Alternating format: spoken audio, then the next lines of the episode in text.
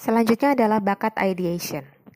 Orang dengan bakat ideation memiliki banyak ide di dalam kepalanya. Kadang-kadang ide itu mereka tuangkan ke orang-orang di sekitarnya. Kenapa? Karena ide-ide tersebut muncul di kepalanya dan sebenarnya tidak masalah baginya untuk membagikan ide-ide tersebut. Biasanya, orang dengan bakat ideation ini mereka ada di daerah desain, di area marketing, dan membuat produk-produk yang baru, membantu menghasilkan munculnya ide-ide yang baru, menjadi penulis atau menjadi wartawan. Kemudian, bakat selanjutnya adalah bakat analytical. Orang dengan bakat analytical mencari alasan dari segala sesuatu. Biasanya mereka akan menerima hal baru apabila sudah menemukan data dan fakta. Orang-orang analitikal ini, mereka umumnya menjadi ilmuwan. Ilmuwan di bidang matematika atau bisa juga di area keuangan. Menjadi analis keuangan, menjadi akuntan. Dan pertanyaannya dari orang-orang analitikal ini biasanya adalah buktinya mana? Mana datanya? Mana faktanya? Mana angkanya? Selanjutnya adalah bakat learner. Seseorang berbakat learner senang mempelajari hal yang baru. Biasanya dia akan menerima, ingin tahu informasi yang baru, dan senang untuk terus berkembang. Berikutnya, berbakat input. Orang dengan bakat input senang mengoleksi berbagai macam informasi dan juga benda-benda.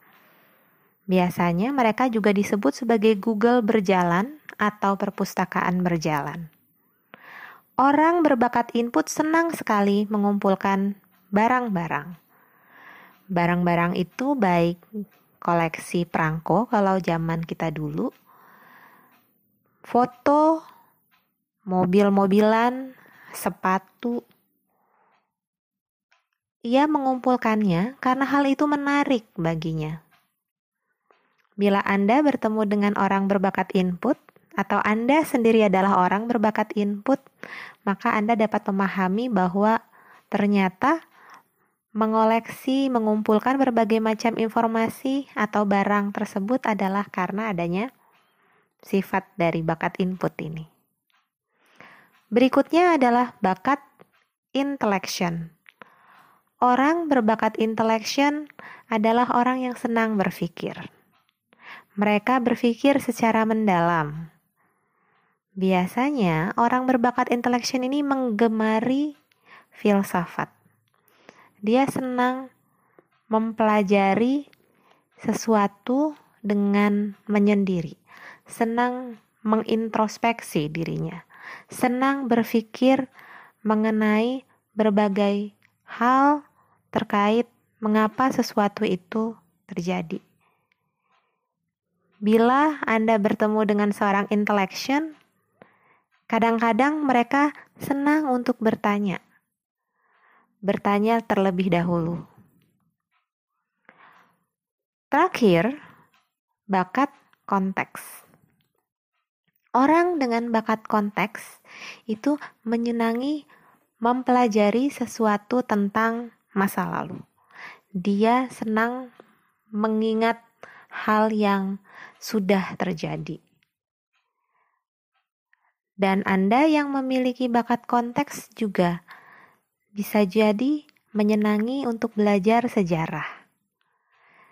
Apabila opa dan oma mengingat-ingat masa lalu dan dapat menjelaskannya kepada anak dan cucu tentang apa yang terjadi di masa lalu atau apa yang ada di dalam buku-buku sejarah, maka bisa jadi Anda memiliki apa yang disebut dengan bakat konteks ini. Baik, Bapak dan Ibu, untuk Pengayaan materi dari kelas lansia online di sesi pertama hari ini kami cukupkan di cluster thinking dari bakat di talent mapping. Bagi Bapak dan Ibu yang ingin belajar lebih lanjut tentang talent mapping dapat menghubungi panitia. Bagi ada yang ingin melakukan assessment talent mapping dapat menghubungi tim admin dari WAG geriatri.id untuk mengetahui dan membandingkan dengan apa yang sudah kita pelajari pada hari ini. Selanjutnya, kita akan masuk ke sesi tanya jawab.